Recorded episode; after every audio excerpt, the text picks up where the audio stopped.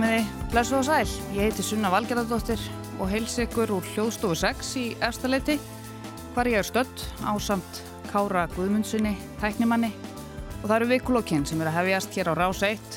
Það er lögadagur og klukkan er rétt rúmlega 11. Og það er komin 20. og 3. september, haustið er skollið á með tilherrandi uppskeru, mismikilli þó, umferðartöfum, mismiklum sem leiðis og fjárlugum misvinnselum. Við ætlum að fara breytt yfir sviðið í dag, ég og gestir mínir þrýr sem koma úr nokkuð ólíkum áttum þó að þau láti öll sig pólitíkina varða á einni eða annan hátt. Það eru þau Andres Jónsson, almannatengill og almennur spekulant, Axel Sæland, blómabóndi og formaður garðirkjubænda, þeirra, þeirrar greinar innan bændasamtakana og Dóra Björn Guðjónsdóttir, borgarfulltrúi Pírata og formaður umhverfis og skipilagsræðus borgarinnar. Verið velkomin.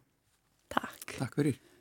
Axel, þú eins og sást hérna frammi, þú heldur utanum taumana í blómarækt mikilli, espiflött í biskupstungum. Skarstu blómi í morgun og þú laður að stað morgun?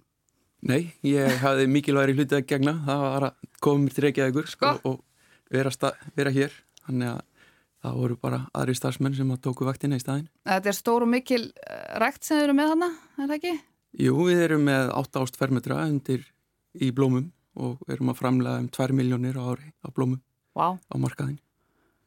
Og uh, ástæðan, ég- það er nú gaman að fá, fá blómabunda í vikulokkin en uh, mér langaði að, spyrja þig aðeins út í, ég nefndi hérna fjárlögin, hinn misvinnsælu fjárlög í byrjun og þú hefur aðeins verið að láta þér heyra í vikunni uh, þar sem þú viðrar óanægi þína varðandi uh, fjárframlög til garðirkjunar. Uh, garðirkjubændur í áfalli var fyrirsögn í bændablaðinu í vikunni. Uh, hvað, hvað segja bændur? Eru þið, sko, eru þið áfalli? já, það má eiginlega segja það því við höfum bara gert miklar vonir til þeirra ríkistjórnum sem er núna að störfum og þau hafa komið með bara alls konar lofórð í gard garðirkju og, og, og líðhelsu þjóðarinnar er oft beint yfir í þennan hluta í garðirkju. Það er talað mjög fallega Það um er ykkur. talað rosalega fallega um okkur og, og, og ákveðnar minna ríkistjórnarsáttmálinn sagði bara að það væri stemt að 25% aukningu í garðirkju afurðum á markað, innlendum.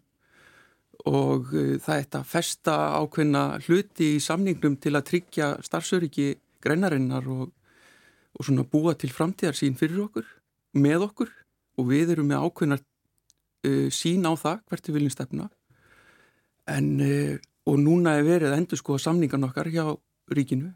Og það er bara, það er eins og að tala við vekk, bara því miður sko. Og þetta er alltaf sama sagan ár eftir ár eftir ár eftir ár.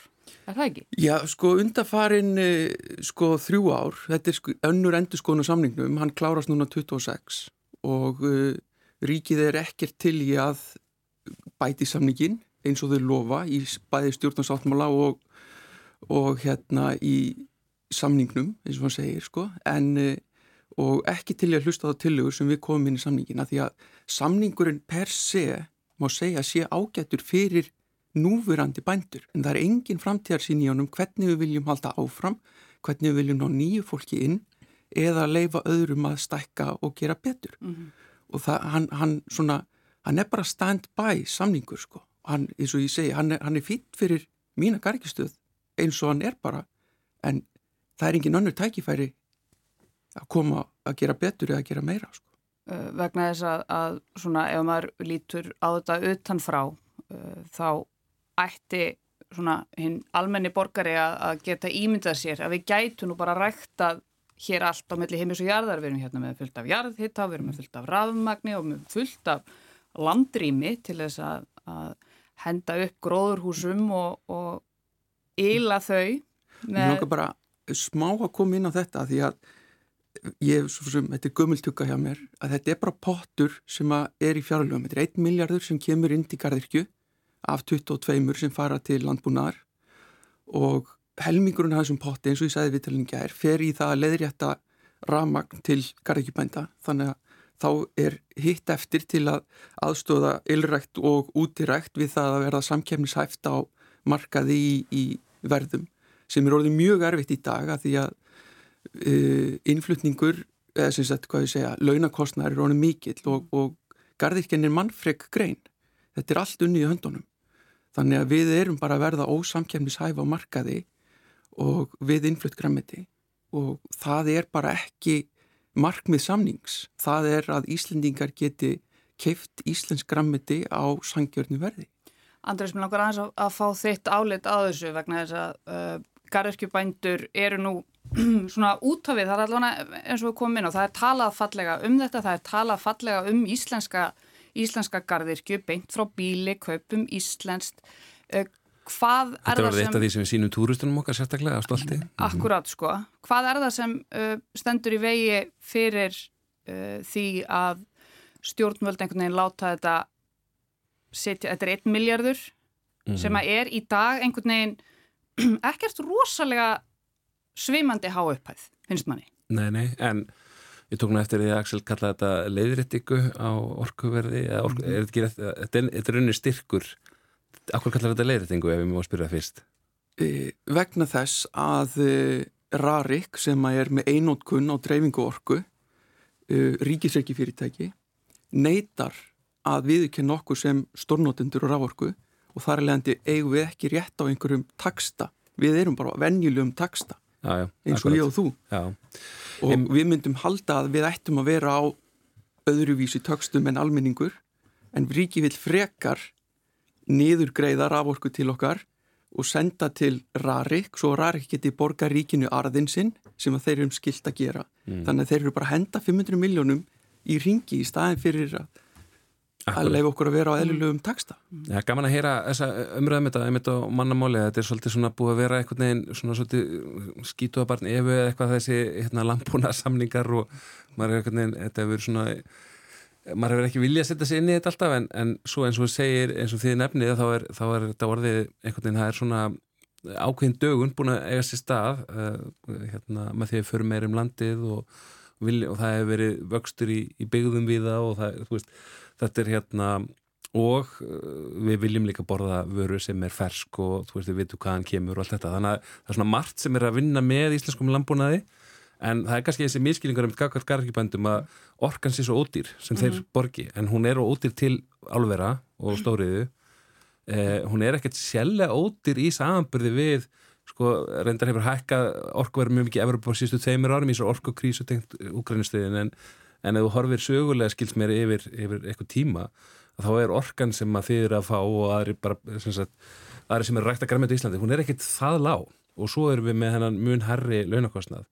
Og ég það sem ég hefði ágjur af bara fyrir okkar allra hönd og hönd gargjubænda er einmitt og bænda er bara hverjir eru að gera spændur í dag? Vist, er eitthvað ungt fólk að spá í því að fara út og taka við þessum fjölskyldu fyrirtækjum, ég las nú viðtal við þig og ég held að þú sett þriðja kynnslóð í þínu, þínum hérna eh, Mikið rétt Já, sem er, sem er náttúrulega fallett og, og, og, og skemmtilegt en ég held að veist, er ekki hægt að, að þú tala um framtíða sín að gera ráð fyrir því að það verða alltaf ný kynnslóð til að taka við öllum þessum, þessum lambúnaði mm. þannig þarf að, einmitt eins og þú segir að, að það þarf að vera eitthvað framtíð að vera hægt að stækka Já. og líka keppa við hennan hérna við þess að framherslu sem kemur elensfrá. Já, það er líka náttúrulega þannig að sem er sorglegt ef að bændur er að íta börnunum sínum í aðra átt en að verða bændur vegna þess að afkomumvandin er svo mikill að þau vil ekki gera börnunum sínum það að verða bændur og þannig að þá er eitthvað að þegar að afkomumvandin er það lélugur eða það slæmur að, að foreldrar óska börnum sínum eitthvað annað en að lifa fyrir það sem að þau lifa sko. En þú talar um uh, að þetta er, uh, þetta er mannfreg grein. Garðirkjan, já. Já, garðirkjan og þetta er allt gert í höndunum og, og þetta, uh, þetta kostar náttúrulega líka mikið rými ef að þá að byggja gróðurhús og það þarf að, að kaupa líka gas, er það ekki? Já, koldvísýring. Koldvísýring, mm -hmm. já, ég segi gas og þetta er alltaf mest agagas, mm -hmm. þessi stóru tankar, emitt. Þannig að þetta er, þetta er dýrt og, og uh, miljardur hvað þurft þetta að vera mikið? Svo, sko, þú veist, svona í raun hef ég... Nákvæmlega saman spurningu ég fekk í gæri og ég, ég svaraði henni ekki vegna þess að við viljum bara sjá stefnubreitingu í samningum til þess að búi til framtíðarsín og, og þetta þarf meiri peningin í greinina til að þessi framtíðarsín geti átt sér stað til dæmis með orkugeran að ríkið greiðir alltaf 95% niður. Og í dreifingarkostna á rámörku en núna var mæi og júni gríðala slæmir mánuðir, það ringdi bara og við notuðum lýsingu á við desember og það þýtti það að potturinn, að þetta er bara pottur, hann er bara klárast og veturinn er eftir og við erum kominir í 50% endugreislu á, á dreifingu. Það þýðir bara miljónir í tap sko, fyrir greinina. Dóra, mér langar aðeins að, að fá þitt álit. Velur þú Íslandst grænmiti þegar þú ferði búina? Ég ger það ef að ég get. Mér finnst hérna, þetta er ótrúlega áhugaverð umræði og hún snýst svolítið um það hvernig við viljum nota fjármagnins ofinbera. Viljum við ekki nota í eitthvað sem fólk er að kalla eftir og eins og þau eru búin að tala um hérna í daga þá stöndum við náttúrulega bara frammi fyrir því að, að, hérna, að fólk er farið að velja meira grængerafæði, uh, kannski minna kjöt og, og það er svona eitthvað sem að fólk hefur áhuga á og við viljum kannski beina fólki það átt að neyta meira uh, grængerafæðis frekar en bara kjötmetist þó að það geta alveg fyllt með. Og þá er alltaf spurningin hvernig á þá kerfið okkar að vera? Og ég held að landbúnaðarkerfið eins og því er stilt upp ákveðin tímaskekkja. Vegna þess að við erum að ennþá að hanga í einhvers konar svolítið svona gamaldags kerfi sem minni bara næstum því pínu á kommunismann að hérna þar sem við erum að svona kvetja til þess að það er við erum að hérna búa til ákveðnar afurðir, við erum að borga niður kílóverða, greiða fyrir kíló að kjöti og, og hérna og erum ekki rauninni já að hvetja til svona nýsköpunar að hérna, nýjar hugmyndir fá að grassera og þróast áfram að nýjir bændur getur komið inn í greinin eins og nefntur verið og, og svona þessar flottu hluti sem við viljum sjá sem er til dæmis meir lífranræktun og, og allt þetta og, og einmitt að sé ferskt gremmiti til á Íslandi og aðgengilegt og við sem höfum búið í öðrum löndum vitum hvað það eru mikið lífsgæði að búa við það að hafa gott úrvala að gremmiti og fersku gremmiti og hérna og það er ofta rúslega döpur gæðin á því græmiti sem er kannski flutt hingað inn og, og ávextir sem koma utanfrá og, og, hérna, og þetta er eitthvað sem ég allavega sakna sem að bjó lengi vel erlendis. Þannig að hérna, ég myndi gertna vilja sjá það að það myndi bara frá rótum verið að endurskoða þetta kerfi. Þannig að það væri það kannski frekar einhvers konar grunnstuðningur sem að myndi eh, bara leifa bændum svolítið að þú veist finna sinn tón og svona þá þau nýsköpunatækifæri sem að felast í þessu vegna þess að eins og kerfið er núna er það svolítið verið að binda fólk niður í einhver svona gamaldags fari.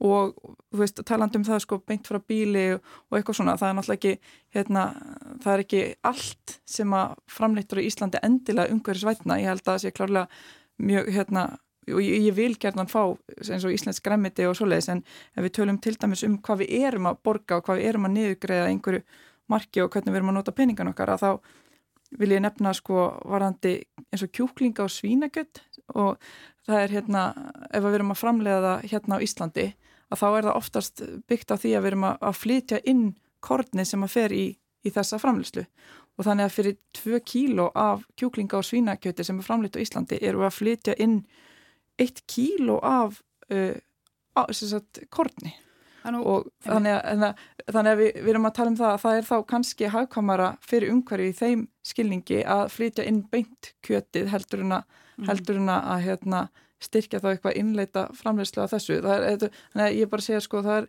líka greiðilega mikilvægt í allar þessar umræði að fá svona staðrindir og reynd og hvernig er kólefnisspori í hverju grein fyrir sig og svo framvegist þannig að það er líka Akkurát sko, en uh, svona í ljósi þess sem að Emmett Dóra bendir á að það verða að flytja inn mikið uh, af kortni sem að er notað í, í fóður, en það var nú ekki, það er ekki allir, allir bændur óanæður með uh, fjárlög þessa árs vegna þess að það er smá inspýting þarna og nýsköpun, það er verið að fara að ebla hérna innlenda kortnrækt einmitt. Hún byggist mikið á því að, að það sem sagt á að setja 2 miljardar á næstu fjórum árum inn í inn í greinina í því sem er mjög vel og, og en fórsendunina eru þær að, að það verða til svona ákveðin kort samfélag í landinu til, til þetta raungirist og við getum kynbætt kottnið á þá vegu að það nýtist íslenskum aðstæðum eða ræktast best í íslenskum aðstæðum og það er samvinna í gangi við Sænska háskóla í að kynbæta fyrir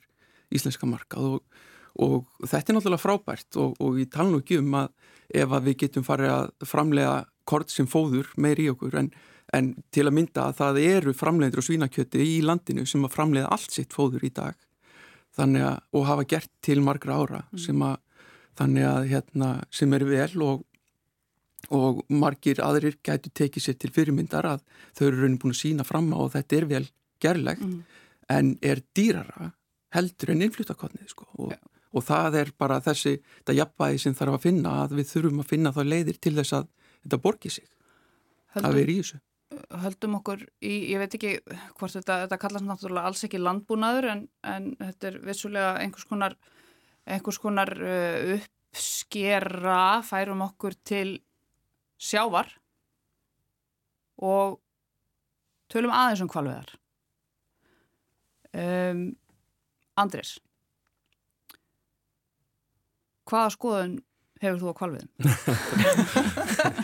ég get sagt þess og Axel, ég fengi þessa spurningu það er ekki gæri en það séu oft sko og hérna, ég hef náttúrulega þannig að ég er svona eins og held í þorri þjóðarinnar ég er svolítið sammála síðasta ræðimanni mm. yfirleita því að Um, það er að ræða þetta mál eins og mörg svona mál út frá svo mörgum hliðum veist, það er svo mörg sjónamið hérna, er það frá hugmyndafræðilum dýravendar þú veist nýtingar uh, á stopnum sem eru sögulega nýttir. Innlend framlegsla innlend framlegsla um, þú veist og hérna það er jæfnvel fyrir að blanda kólefnisspori inn í þú veist hérna hvað er bundi mikið kólefni innum kval og mm og hvað er borðað mikið öðrum fisk og þetta, þetta er, er endalísi vinklar á þessu. Mér finnst einhvern veginn bara þetta ber sig ekki, þú veist en það er kannski ekki rökk að við vorum að taka hérna, umræðinu sem var einna áðan en, en hérna, þannig að við þurfum að bara fjárfesta í kvalveginanum og stakka gera þetta hafkvæmri einingu.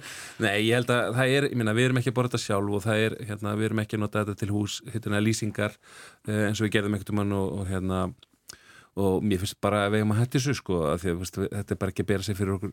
Veist, þetta er bara að taka pragmatíska ákvörðin og svo getur fólk haft alls konar veist, aðrar ástæði fyrir því það er svona mín nálgun á kvalveðnar og hérna mér finnst einhvern veginn bara ef við tökum Kristján Lofsson að því hann fór hérna einhver tvö rosalega vittöl Já, mér langar einmitt aðeins að, að spila örstutta klippu úr uh, Karsljósviðtali sem að Kristján Lofsson fór í í vekunni, hann fer ekki oft í viðtöl en Uh, hann kom til Bergstein Sigurssonar í Kastljósi í vikunni, maður aðeins að, að spila örstu þetta klippu úr því og fá svona álit almannatikilsins á, á það sem hann segir og já, ef við ekki bara fá að heyra þessa klippu úr Kastljósi í vikunni, þar sem að Bergstein Sigursson talar við Kristján Loftsson, fórstjóra Kvalsáf.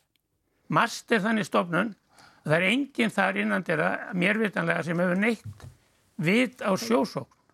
Það er cirka, að þú tekur frá svona skrifstofólk og annað þá myndi ég áætla að vera svona 70% dýralækna. Já, þau hljóta nú að geta horta það að segja að þetta er kannski aðeins meira. Við viljum ekki skilja við viljum ekki skilja það.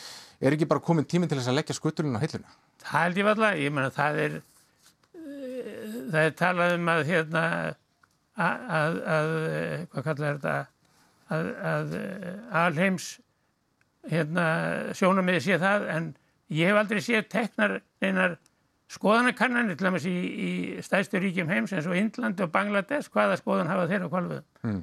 þetta, tala, þetta eru nokkrir háværir svona hópar sérstaklega í Bandaríkjónum og, og Breitlandi en þessi umræði er alveg dauð í dag með það sem var áður. Myndu, við, við, við myndum ekki endilega vilja indverjar og, og kínverjar fara að velja hvað í stórum stíli það? Já, þeirra var uh, mikið hafsvæði og, og ég er alveg hissa á indverjum þeir eru nú að drefast úr hungri mikið þannig að þetta er mikill matur Já, uh, en hvaða skoðun hafa þær á það er aldrei tekið skoðun því ég var ekki annað að sjá hann Þetta sagði Kristján Lóttsson uh, í Karsljósi uh, hvað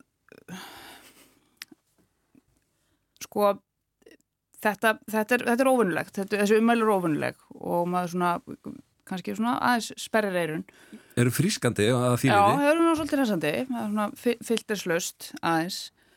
Um, En hann er samt að segja þið eru bara elita mm -hmm. sem eru með þessa skoðun veist, það er svona, þó hann velji sér þessi orðatal, hann að taka Mhm. út út eitthvað tvö ríki það sem er mikil fátækt og, og veist, að, að þá var hann að segja það það er bara elitan sem er þessa skoðun og hún er ekki þinn svona ráðandi, en mér finnst hann þetta, þetta velur sig þú veist, rögt til handagags ég menna það sem kannski sýnir best hvaða skoðun heimurinn hefur á kvalviðum er að ef að hann vil koma kvalviði kjöti sín á markað þá þarf hann að sigla framhjá eh, þess að það þarf hann eitthvað rosa króka siglingar því að hann má hverki koma til hafnar til að koma þessu hérna, kjöti á mögulega á markað eða í fristi gemslir í Japan Mhm.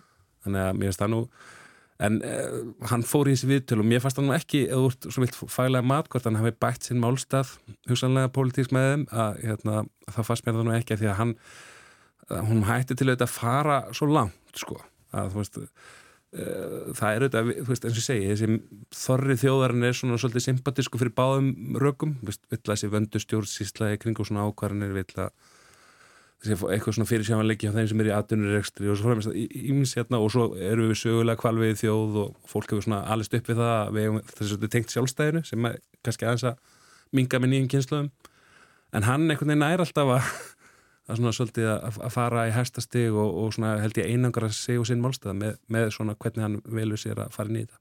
Ef við tökum bara, uh, ef, við, við kollum kvalveiðimenn uh, bændur uh, eða sem þeir náttúrulega eru ekki en, en uh, þeir lifa af, af landinu eða, eða miðunum uh, tökum garðirki bónda sem að er að rækta róur eða, eða blóm eða kartublur eða jarabir eða eitthvað og, og skoðum hans uh, svona ásýnd eða svona, já, ásýnd út af við og hans uh, tekjur. Og svo tökum við kvalveiði bónda og skoðum hans ásýnd út á við og, og hans tekjur, menn Kristján Loftsson er einn ríkasti maður landsins. Uh, er þetta einhvers konar ég veit ekki, tímaskekkja eða er þetta það sem við viljum sjá? Sko mér finnst, að þú talar hérna um elitisma, að mér finnst að vera svona kannski kirsuberja og rjóminu af elitismanum að e, heilt lagaverk sé smíðaði kringum einn mann. Og sko það er í svolítið staðan af því að e, ég var í rauninni áður ekkert sérstaklega mikið á móti kvalviðum e, og fyrir einhverjum árum ég keipti í rauninni svolítið en áróður um þessa grísun og þetta væri bara nöðsilegt og allt það. En svo ákvaði ég nú bara að setjast niður og kynna með máli og skoða staðarindir og gögn. Og, og það voru rauninni bara þessar staðarindir sem að kiftu mínaskoðun sem er svo að ég er ekki fylgjandi kvalviðum og þess vegna hérna og það er alveg, það er í rauninni alveg óháð því sem við hefum séð undarfarið sem er svona þessi e, þessari grimmulegu veiðaðferðir sem að eru rauninni ekki, virðast ekki heldur fylgja lögum. Þannig að það eru svo margir jákvæðir hlutir við kvalina sem hefur auðvitað, hérna, verið rætt mikið um bara jákvæðt fyrir lofslægið og, og hérna, vistkerfi okkar og, og hérna og bara svo margt sem við viljum sjá og viljum halda í og viljum með mitt nota peningan okkar í og erum að nota peningan okkar í. Það er að hérna, lofslagsmiðaðar aðgerðir, aðgerðir og, svo ofan á það kemur koma svo þessar upplýsingar um þessar veiði aðferðir sem eru bara alveg viðbjóslegar og, og fylgja ekki lögum um dýravelferð virðist vera allavega og nú er búið að stoppa kval átta aftur og þetta er alveg svolítið vandræðilegt mál allt saman. Já, líka uh, heimildin var með svo við höldum okkur nú svona kannski aðeins í tilfinningar okkur þá var heimildin með frétt í gær þar sem að, og mynd uh, þar sem að kvalur nýju kom með tvær döðar langreðarlandi í gerðmorgun og úr kviði annarar þeirra var skorið þryggja og háls til fjögura metra fóstur eins og það er orðað ef maður getur kallað fjögura metra langan kvalskálf fóstur og þetta er svona já þetta er tilfinningarlega svona sjokkarandi. Já og þá sko, ég, þú veist, ég spyr bara þegar allar þessar upplýsingar liggja fyrir, allar þessar staðarindir, við erum að setja peninga í lofslagsaðgerði, við erum að reyna að hérna, ná okkunnum markmiðum og erum rauninni fjarrri frá því og það er eitthvað sem við þurfum að spýti lóana með. Og samt erum við einhvern veginn að tala um að halda þessu áfram bara fyrir einn einn frekan karl, eða veist, mér finnst þetta að líta svolítið þannig út svona utanfrá, ég er ekki á þingi en bara fylgist náttúrulega með allir þessari umræðu og, og hérna þannig ég bara velti fyrir mér, af hverju eru við að þessu, þetta er bara, þetta er bara fárlegt og, og, og við hefum bara hætta þessu og hætta þessari svona meðvirkni að mínu mati og nú hefur náttúrulega minn flokkur lagt fram frumvarp um að bæði banna kvalviðar og svo að setja kvali undir villitýralög og með fleiri flokkum og ég vona náttúrulega bara að þau lög náðu fram að ganga. Það voru allir stjórnar anstöðu flokkarnir nema miðflokkurinn sem voru á þessu Já. Og ég held nú að hérna vafki stiði þetta þó að þið hafi kannski ekki verið með á málinu en það er það pínu flókið þegar þú ert í stjórnarsamstarfi og, og, hérna, og það hefur verið mikill hiti Mhm. undir þeim undarfarið þannig að hérna, já já, en bara þetta er bara svolítið skrítið að vera einhvern veginn alltaf að tala um lofslægi og lofslagsagerðir og, og, og svo eru lögum dýr, dýravelferð sem við erum að brjóta og, og hérna og ég bara, já, æ, getum við ekki bara hættir svo og fara að tala um eitthvað annað sko. Axel, hvað segir þú? Hvað, nú ert þú, Já. eh, nú þú Er ég hlutlaus allir? Já, nú ert þú stór kallin á bændarsamtakana Já, já. og, og svona, ég er forutinn að heyra hvað þér finnst um, um kvalveðar. Sko, ég horfi bara á uh, auðlendi landsins og uh, uh, fiskistofnar okkar eða kvalastofnar eru hluti að nýtjastofnum landsins og á meðan að það er hægt að sinna því á, á góða vegu og þetta sé sjálfbært og, og, hérna, og það sé markaður og, og dýra, dýravelferð sint og, og farið eftir að þá sé ég ekkert að því að, að nýta stofnin sko. Mm -hmm. og svo framalega sem að hann eh, hvað segja sé fyllt þeim lögum sem er í gangi sko. Mhm. ég, Já, við erum nú ganga brössulega það virðist ganga brösulega eins og staðinni núna sko. en, en, en segjum sér svo að veiðaferðinar væru réttlætanlegar og væru farið eftir lögum og væru sem sem er dýra velferð í huga þá sæi ég ekkert að því að nýta stofnin sko. Mm -hmm. En eru það alveg þrátt fyrir svona öll þessi rauk sem hafa verið talin fram, veist, varandi hvað er mikilvægt að hafa kvalin í sjónum og fanga kólefni og, og hérna og allt þetta jákvæða fyrir loslæði. Ég sko, við í gardirkinu, ef ég má fara með aðeins yfir í gardirkinu, þá er náttúrulega, þá er búið að rekna út uh, hvað hva landbúnar er að skilja eftir sig. Og gardirkjan flokkast undir annað í því og það er 1% og þar er all gardirkjan inn í þeim, í þessu eina prósenti inn í öðru í landbúnaði, þannig að það sýnir hvað við skiljum lítið eftir okkur og erum mjög góð grein þegar kemur á kolmispori og þegar við förum út fyrir landsteinina inn í sjóin að þá e, ætla ég ekki að rýra það sem er sagt um kvalin en, en það áörugla við mjög marga aðra stopna sem er í sjónum hjá okkur. Að með hvernig e, e, náttúran vinnur og hvernig, hvað er henni fyrir bestu. Þannig að ég held að sé alveg hægt að færa rauk fyrir mjög mörgu öðru. Og við, ég horfi bara á svolítið þannig við erum manneskjur og við nýtum dýr til, til manneldis og, og kvalurinn er þar undir í dag. Og, Mhm. og sem uh, sjálfbær stopn út í sjó. Varandi sko hérna akkur þessa hvala tegund sem að þannig stopn langræða sem við erum að nýta fyrst og fremst að, hérna, þá var ég bara komast að því að það er uh, stopp sem er í ja, það er tegund sem er í útrymmingarhættu allstaðar annarstaðar Já, hann er á válista, eða sérst, já, hann er, já. ekki útrymmingarhættu en er á válista og svona veist, þetta, með svona margt enginn þetta mála að sé svona uh, hérna, þetta sé eitthvað svona dilla og ég held að það gerir málhjóttu óþægilegt, þú veist, mér finnst mér hérna uh, þessi prinsip eru alveg rétt sem að Axel kemur með en, en einhvern veginn það rými ekki alveg við myndina. Mhm. uh, og þannig að mér finnst bara að fer einhvern veginn ekki saman hljóð og mynd. Mér er svolítið skemmtilega að rif- rifiðast upp hérna pistill sem að Kolbett Martinsson kollegi minn skrifaði fréttablaði í bakföngu fyrir nokkrum árum sem hann saði frá kýmursku miljardamæringi sem að hefði það áhugamála veða pöndur og uh, það væri svolítið mikið af pöndum í kringum hann og ekki út úr mikið hættu og, og hérna hann væri alveg brjálaður yfir því að eitthvað fólk var að setja fætta fingur í það, var að veða pöndur og, og hérna þetta var miljardamæringurinn Kæling það var með sömu uppastæfi og einn, einn sem við þekkjum sko.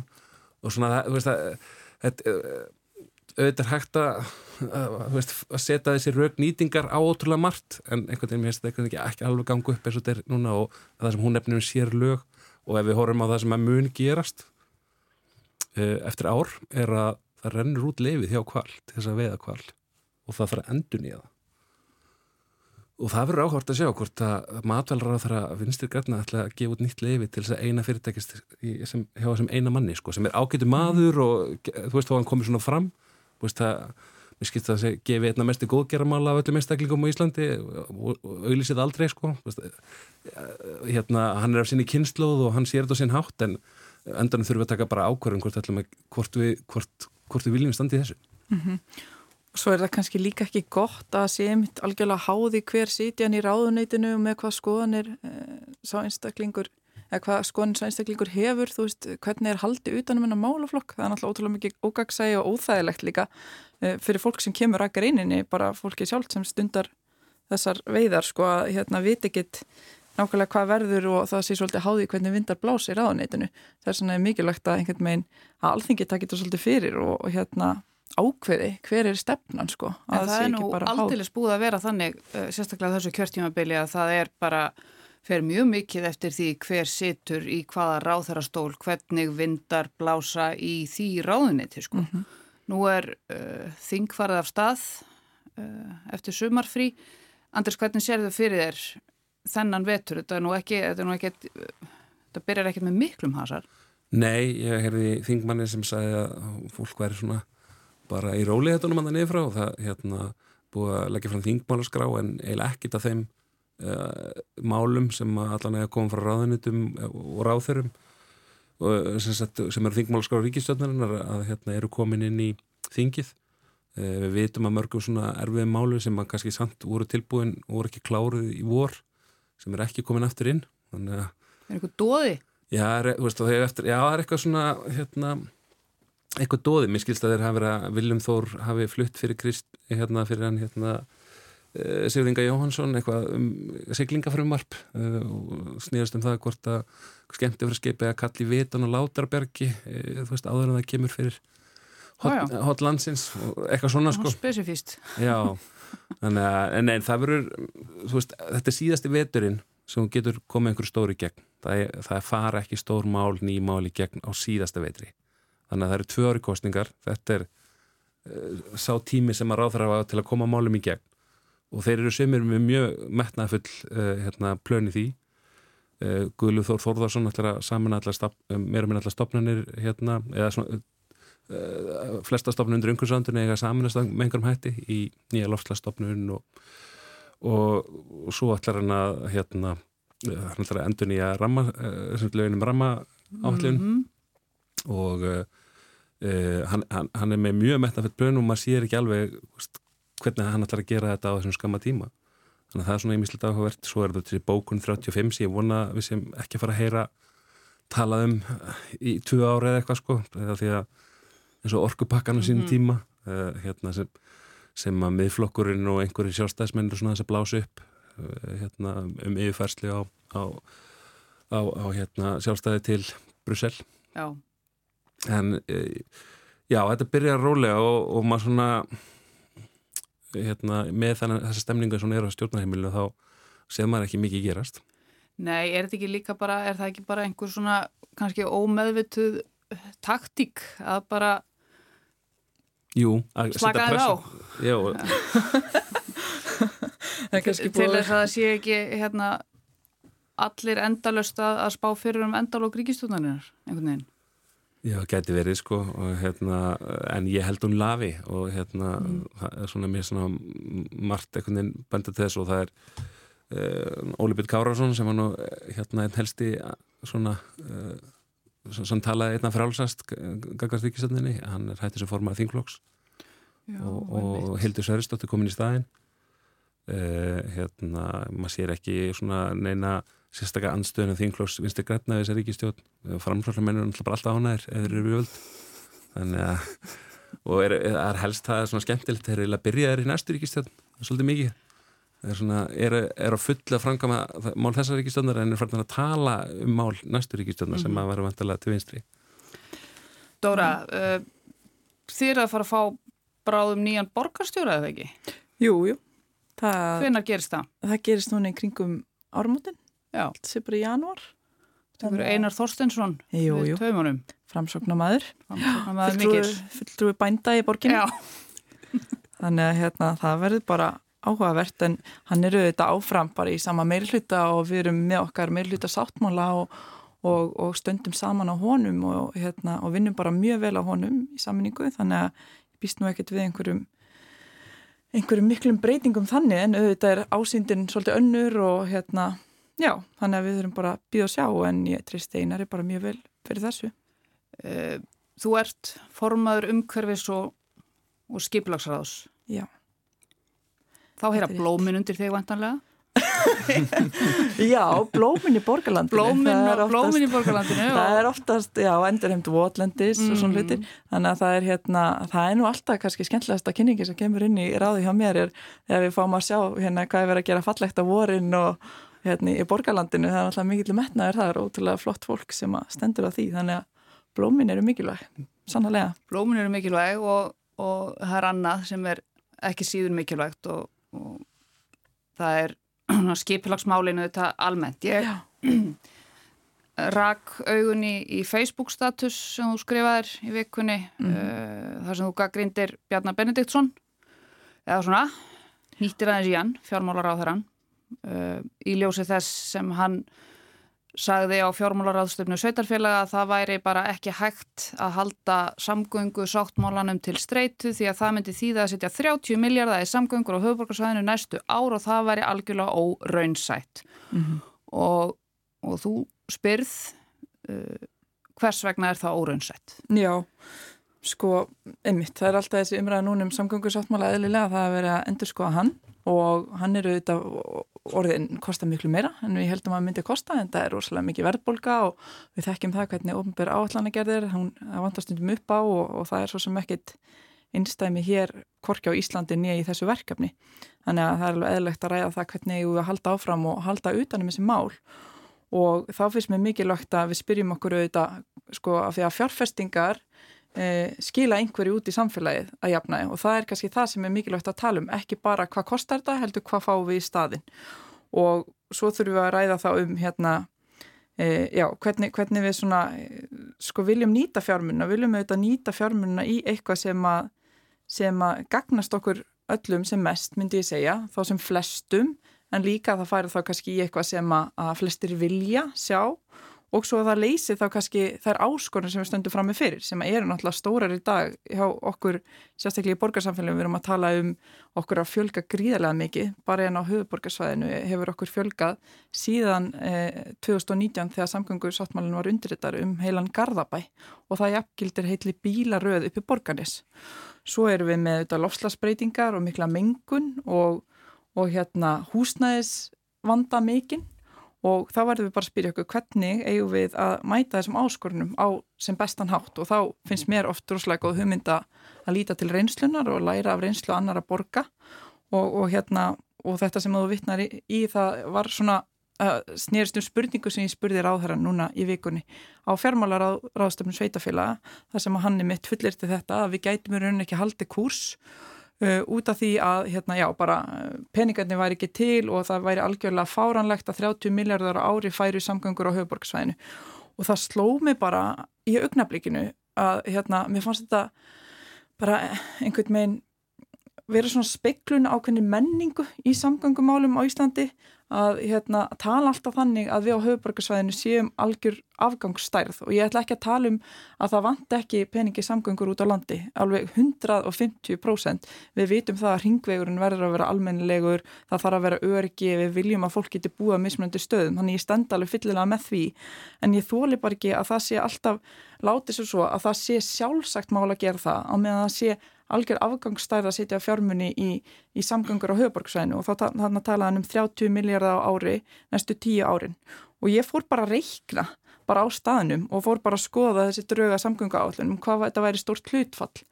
Og með þá fjármunni sem að hann er búin í rauninni segja að hann ætla að setja í samgöngur á Íslandi næstu árin og þá sá ég að næstu fimm árin væri þessi, þetta hlutvall um 57% af því sem færi í samgöngur á Íslandi og til 15 ára væri þetta jafnaði um 50%.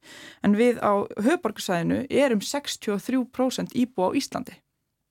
Þannig að með því að setja þessa fjármunni sannlega í samgöngur á höfbarkusæðinu þá myndi illa á íbúa höfbruksvænu en þrátt fyrir það sagði ráð þeirra að það væri algjörlega út úr kú og óraunsætt og bara hérna því ég spurði út í þetta það bara sko var hann svo hissa og hann bara einhvern veginn kallaði upp yfir sig hvar eru peningarnir? Og, og þú veist og þá spyr ég bara þá segir henni bara það hlýtur það að vera í þessari samgöngu átlun sem að þú hefur sett fram Bjarni á samt ríkistjórninni en auðvitað væri bara best að stækka pottin af því að það er þörf á þessu út um all land. Þannig að það er auðvitað bestalösnin en ef við ætlum að fara að tala um hvernig peningunum er best varið þá er eðlegt að líta til þess hvar fólkið er og að, hérna, þetta er ekki, ekki ósangjut krafa var bara það sem ég vildi uh, koma fram með. Það er kannski líka sko, það er bara hefð fyrir því að það sé talað um samgöngubætur á landsbyggðunum en ekki samgöngubætur innan höfuborgarsvæðisins. Mm -hmm. uh, ég meina vaðlega heðagöng kostuðu 18 miljardar þegar að þau loksins opnuðu, uh, áttu að kosta nýju og uh, þannig að þetta eru gigantísk gigantískar sko tölur sem að við erum að... að... Og öruglega miklu hæri upp í dag. Já, já, já. Þannig að þetta eru eins og bendir á stórar tölur sem að við erum að, að setja í í samgöngubætur utan höfuborgarsvæðisins. Það er kannski bara einhvern veginn erfiðar að, að tala um samgöngubætur innan höfuborgarsvæðisins. Það komu tölur frá strætó núna í vikunni þar sem að áallanir hafa ekki staðist þar. Það eru færri að nota strætó en áallanir gerður áð fyrir. Ég held að þetta sé 6% höfuborgarbúa sem að nota strætó. En það er samt alltaf fleiri og fleiri að nota strætó. Sko mm. innsti í strætó eru mjög mörg Já, einmitt, þetta var smá rugglingur sko það er unni fleira nota strætó en þeir farri minna hlutfall af heldarferðum þannig að þetta fölgur svo mikið fólki Fjö, fólk er að fjölga, ferðum er að fækka sá hérna í Reykjavík allavega þannig að það er gott mál.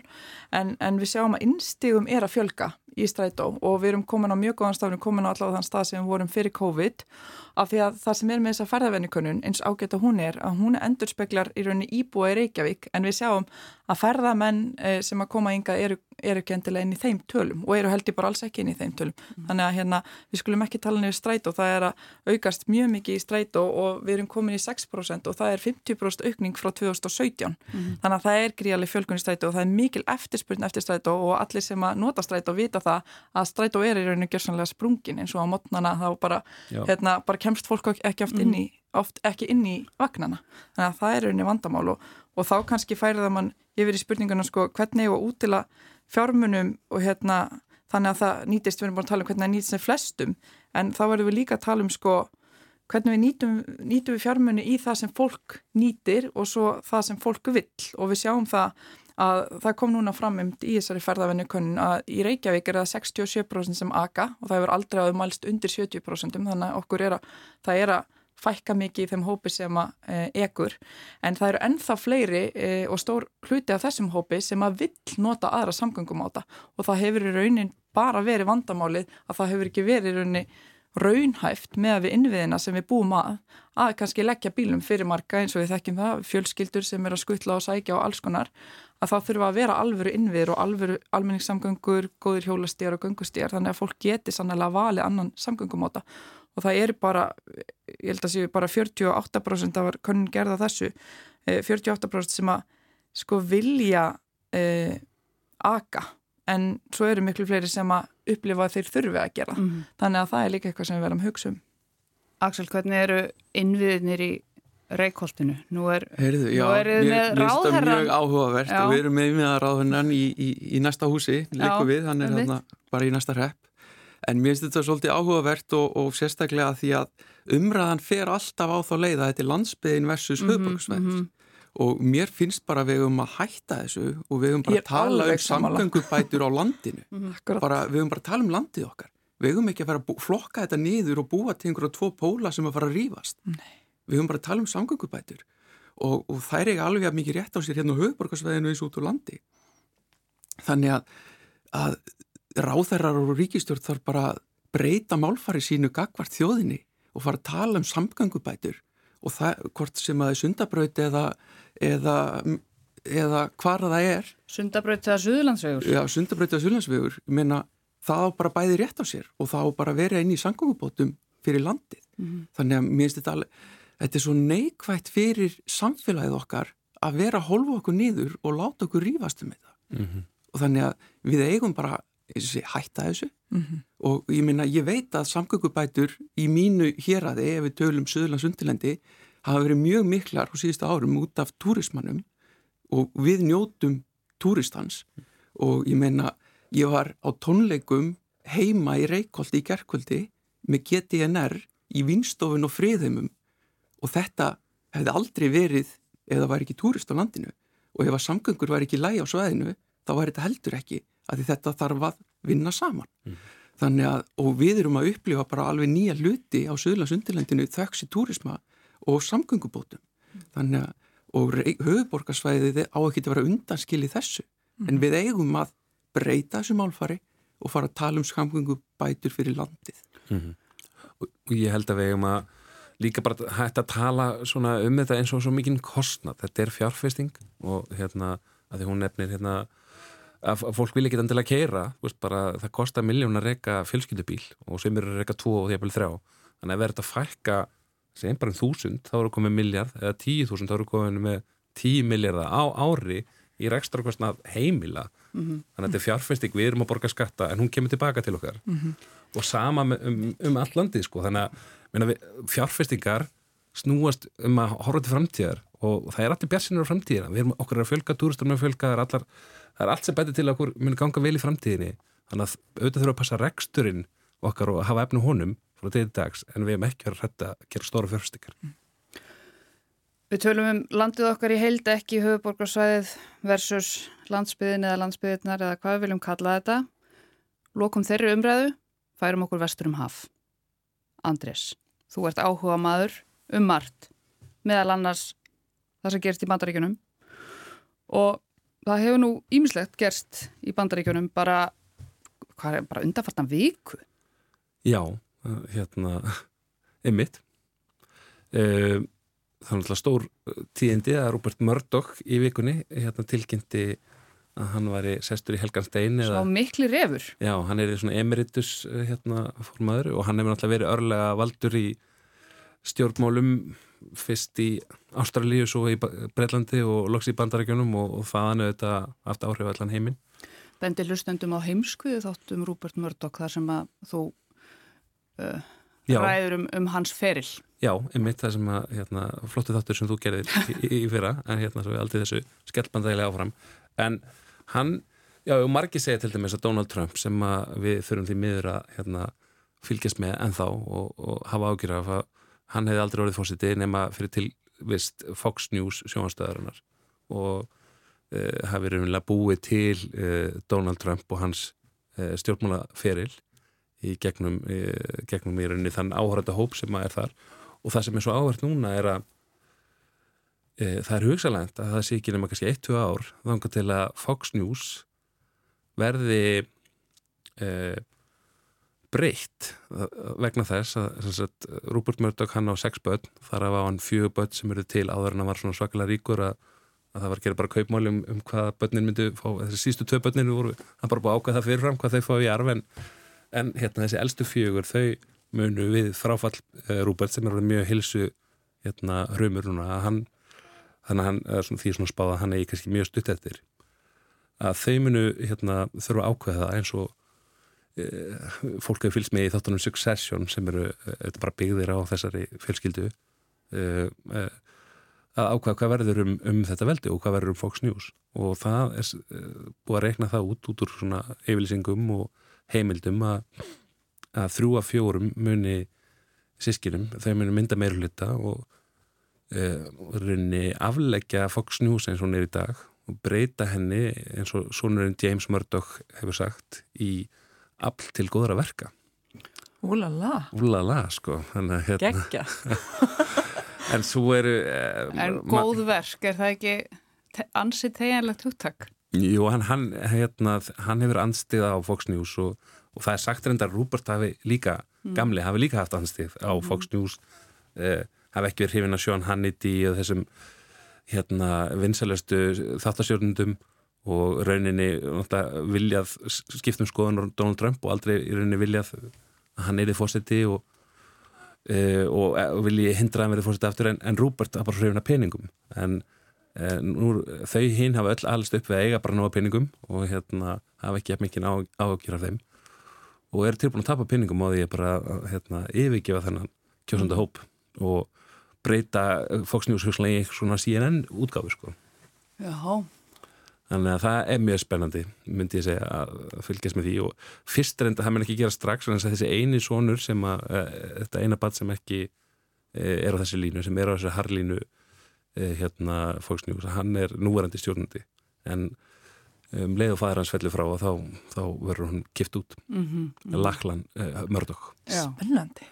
Og það hefur líka verið smá, smá hasar í demokrata vagnum dóms, dómsmál og eða sérst kærur Já, það var hérna hann framöndan kostningar á næsta ári bæði til fórsetta og, og fylgur og deldur og elduga deltaþings og það er hluti Er Donald Trump að fara að verða aftur fórsetta mandaríkjana? Ég var nú að horfa á hérna eh, hérna spjall á það sem að mennur svona uh, segja að það hefði aldrei verið alveg ljóst svo fljótu fyrir að það hefði oft verið sá sem hefði verið einhvern augljós rúma ári fyrir. Kostningar hafi ekki alltaf enda sem frambjöðandin þannig að er, menn er ennþá haldið vonin að það getur verið eitthvað annar en það er engin Rondi Sandis, það er úr honum allir vindur. Uh, hérna hann er dettinni í fjörðasæti í New Hampshire í, í, í fylginu, hérna Nikki Haley og, og Vivek hérna ég ætla ekki að reyna að bera fram Ramata Sari hérna nei, hann, hann er ekki alveg brún á nafninas hérna hann er fyrir ofanan og, og líka reynda Chris Christie í New Hampshire reyndar engungu uh, þannig að það, það lítur þannig út en það er, ég var að horfa á Ég átti þetta ekki að vera skemmtilegt? Þetta er skemmtilegt. Bara Þú viltu tala meira um strætó? Já, breyka Allan já. En, en, en hérna og svo er náttúrulega líka spurningum eldugadeldal þingið. Hann, hérna um, það var verið að kæra eldugadeldal þingmann frá New Jersey sem er demokratáloknum Bob Menendez fyrir hérna spillingu. Fundist gullstangir og peningar og ég veit ekki hvað heima hjá honum sem hann hefur fengið frá hérna ekiskum kaupsíslimönnum og Gullstangir? Eh, gullstangir, já, alls ekki. Og hérna Er það, er, er það svona mútugjaldmiðl dagsins í dag? Virðist vera sko og hérna hann var sérst formaður utdragsnendar formaður utdragsmálunendar þingsins og, og hérna gæt beitt sér eitthvað gagvart því hvernig bandarækinn beitt sér gagvart Egítalandi og hérna en það sem þetta hefur áhrif á er að, að hann átti að hljóta endurkjör á næsta ári og, og nú getur verið að hann verið þá ekki framböði, hann verið bara í fangilsi þannig að það voru enn eitt uh, þingsætið sem að republikanar gætu náð og það lítur þá allt út fyrir að þeir ná hérna, með hluta á öldungadeldar þinginu en um, með fórstökkostingarnar það sem ég finnst aðalega að hafa brist á sístu vikum í, í hérna er að fólk er fara að átta sig á það að Joe Biden er bara svo hrumur Já. að margir fyrir þannig evast og maður finnur þar all, all svona allt establishmentið í demokrataflokknum er að reyna að halda uh, hérna stíplunni og þó þessi var að uh, leika vatna á milli sko að, að fólk segir bara, heyrðu, við getum ekki búið þennan fram til næstu sex ára Hvenar verður þetta ljóst? Hvenar fara svona línur að skýrast almennilega? Það verður náttúrulega endalega náttúrulega skýrast þar á, á hérna á þingum flokkana sem eru í næsta sumar mm -hmm. og hérna og það er jæfnvel spáð að bara jæfnvel báð meginn getur orðið svona barátt á þinginu uh, um, um það sem er ennþá reyna að koma í veg fyrir að, að Trump verði frambjöðandi republikana. Þetta verður spennandi ekki dæsa svona Dóra, ætlar þú að fara að lesa til um bandarísk stjórnmálum helgina? Heyr ég? Nei, ekki úr þessu, guðmur góður, ég ætla að fara út að týna blóm hérna og bara, nei, ég segi svona, maður, það er vist komið haust en, en þú veist, það er bara, eftir þetta ætla ég að fara að fá mig góðan tepalla og bróðs út í tómið, sko. Og hvað ætlar að gera annað um helgina? Vera með börnunum mínum og hérna, já, og, og hérna fara í mati tengdó og hvað svona kósi. Huggulegt. Já. Axel, ætlar þú að sker einhver blóm um helgina? Herðu, nei, ég hugsi ég takki nú bara pásu frá því ég, hérna, þú veist að ég á búin að manna helgina fyrir mig og hérna það býði mín eh, framhaldsskóla starfræði með dóttir minni um Dásamlegt. og svo bara njóta með familíinu, elda góðan mat og hafa það næs. Hvernig ert í framhaldsskóla starfræðinni? Erði ég er bara nokkuð lungin. Já, ég, já. já, og hún fekk tíu og síðasta prófið, þannig að ég, ég tók það mikið til mín, sko. Það er vel gert. Andrés, hvað ætlað þú að gera um helgina? Herri, ég er bara í kalla, hérna, ég er að búið til hreið, ég er í hreiðugerð. Já, Við hefum bókað í Valkeisara, ég og kona mín, á þriðdags morgun vá, og hérna, eignast okkar fyrsta barn, okkar begja, dóttur sem að við erum mjög spennt að hitta. Svo gaman. Æði. Og hvað stendur þá til svona innan hús? Er verið að, Já, það er er, þetta svona eins og í bíómyndunum, mála badnaherbergið? þetta er allt búið, sko. Já, já, Og hérna, en Er það bleikt? Það er bleik element, svona, en samt ekki svona alveg Barbie bleik, sko. Það er hérna, Það er mjög fallegu lítur sko, það er ekkert að því. Nei, nei, eh, en það er mikið bleikt og, og hérna Jú, við erum bara að taka upp raða bleipökkunum upp rétt og svona bara búa okkur undir það að vera svona teimi sem er að fara að tekla uh, þetta verkefni. Spennandi. Það er eðislegt. Gangi ykkur vel í Takk fyrir það. Og vikulókunum er nú bara lokið að þessu sinni þonga til næst eftir nákvæmlega viku. Ég heiti Sunna Valgeradóttir og stjórnaði þættunum svona út á við. Kári Guðmundsson tæknumöður var hér inn á við eða þannig. Axel Sæland, formaður Garðirkjubænda, Andres Jónsson, Almanatengill og Dóra Björn Guðjónsdóttir, Pírati og Skipulags og Umhverfisráðs formaður. Takk fyrir komuna og þakka ykkur þarna úti fyrir að leggja við hlustir og við heyrum svo aftur innan tíðar.